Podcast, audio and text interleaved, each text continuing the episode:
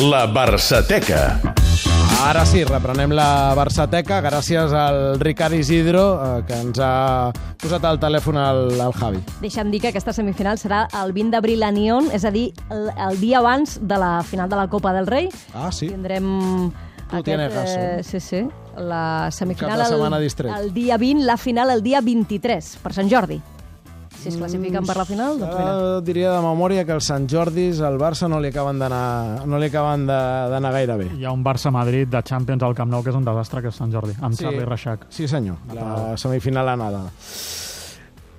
Uh, Eudal Serra, bona no, la, tarda. no, no en parlarem a la Barçateca aquell dia. No, eh? No, Passarem per eh, no. En canvi, parlarem d'un dels eh, Barça-Chelsea, Chelsea-Barça més polèmics dels últims temps. Sí, tirem 12 anys enrere, temporada 2005-2006. El Barça i el Chelsea es troben per segona vegada consecutiva als vuitens de final de la Champions. L'any abans havia passat al Chelsea. L'eliminatòria va ser calenta des de l'inici.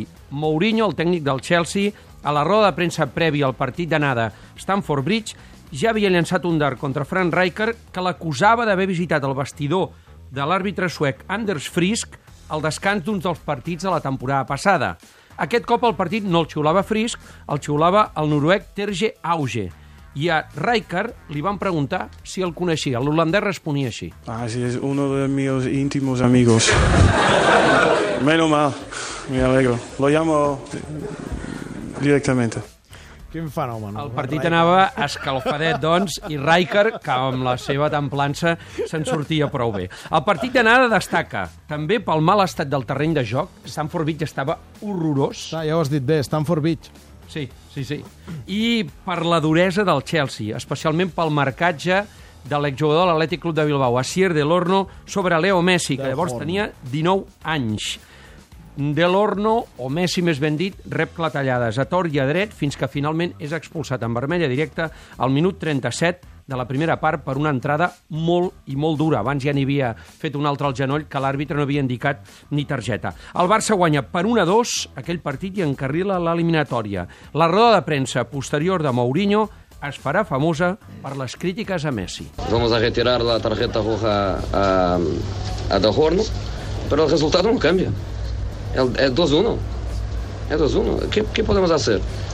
Ah, vamos a, a suspender a, a Messi por, eh, por hacer el... ¿Cómo se llama vosotros? ¿Cómo os llamáis ahí en Barcelona? Que me olvido. El teatro. Vamos a suspender el, el, el, el chico. Ha hecho teatro. Hostia.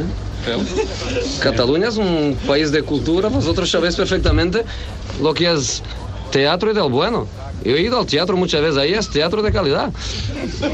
Te hablo serio, vosotros sois un país con una cultura fantástica.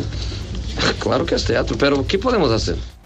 S'ha de dir que aquí Mourinho va ser enginyós, però encara més ho va ser el Camp Nou a la tornada. Ara vinc amb això. A la tornada, al cap de 15 dies, al Camp Nou, Barça i Chelsea empaten a un. El Barça es classifica per quarts. Mourinho s'ha de sentir dir diverses vegades o s'ha de sentir escoltar com li canten això al Camp Nou.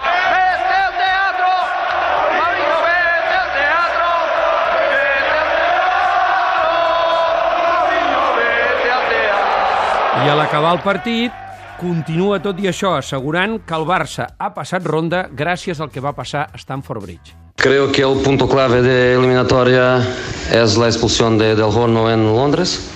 Barça, gran equipo, que nadie puede dudar, yo, yo tampoco. Pero la verdad es que cuatro partidos en dos temporadas, 11 contra 11, no ha ganado. Si quieres decir que no es verdad, puedes decir que no es verdad, pero hechos son hechos.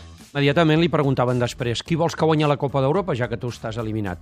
El Benfica, perquè és un club portuguès. Doncs bé, el Benfica no la va guanyar perquè el Barça el va eliminar a quarts de final, després el Milan a semis, i a la final, la de París, el Barça va guanyar la seva segona Copa d'Europa derrotant l'Arsenal per 2 a 1. Eudal, vete al teatro. Molt bé, me n'hi vaig.